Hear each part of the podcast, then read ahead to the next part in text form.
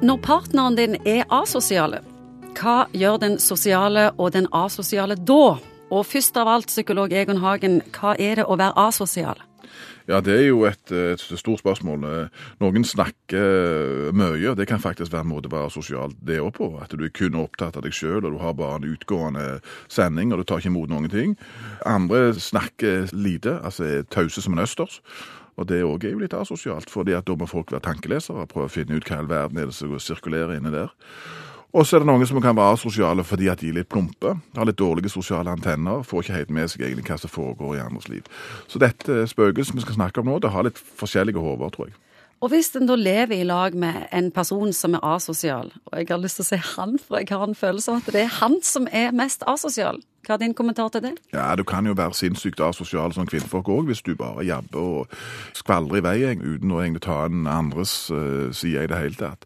Men det er klart at den tausheten som kanskje vi tenkte på i utgangspunktet, er kanskje forekommer hyppigere blant menn, tror jeg. Hvordan har de to funnet hverandre?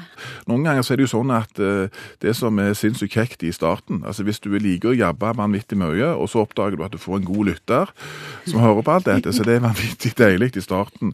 Og så er det jo sånn noen ganger at det som var vanvittig kult til å begynne med, at det ikke er fullt så kjekt når det har gått 10-15 eh, år. For du hadde jo håpet at han kunne si noe, ikke bare liksom lytte. Og han vet jo stort sett hva det var tenkt å si likevel, for du har sagt det så mange ganger før. Hva har du å si til et par som har det sånn. Hun vil ut, være sosiale. Han vil helst slippe å sitte hjemme og se TV og roe ned. Ja, klart at Hvis dette bare får lov å fortsette, så klart at da vil jo på en måte være som to skip som møtes natten, og så seiler mer og mer fra hverandre, egentlig. Det er lurt å prøve å strekke seg mot hverandre.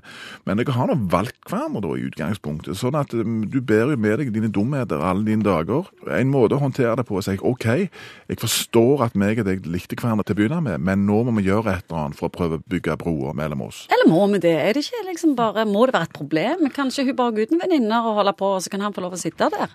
Jo, men noen ganger så kan det jo bli så Det er liksom en balanse der. Det er greit å gå ut med venninner, men samtidig så er det sånn at eh, hvis det bare blir venninner, og han sitter hjemme foran denne PlayStation eller ser på, på, på, serier, så klart at avstanden kan bli så stor at til slutten så er det ikke noe igjen av det fellesskapet som egentlig var der. Ofte så er det jo sånn at du tenker at eh, hvis du da er ekstroverte, sier at kvinner er ekstroverte og mannen er mer introverte Klart at mannen kan jo da få noen utfordringer i forhold til å åpne munnen og snakke mer. Men så er det òg sånn at hvis han skal snakke, så må du klappe igjen litt mer.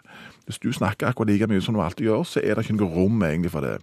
Så dere må på en måte gå hverandre i møte, begge to, hvis dere på en måte ønsker å øke denne fellesskapskontoen. Det er ikke nok at han bare snakker mer, du må faktisk eh, klappe igjen.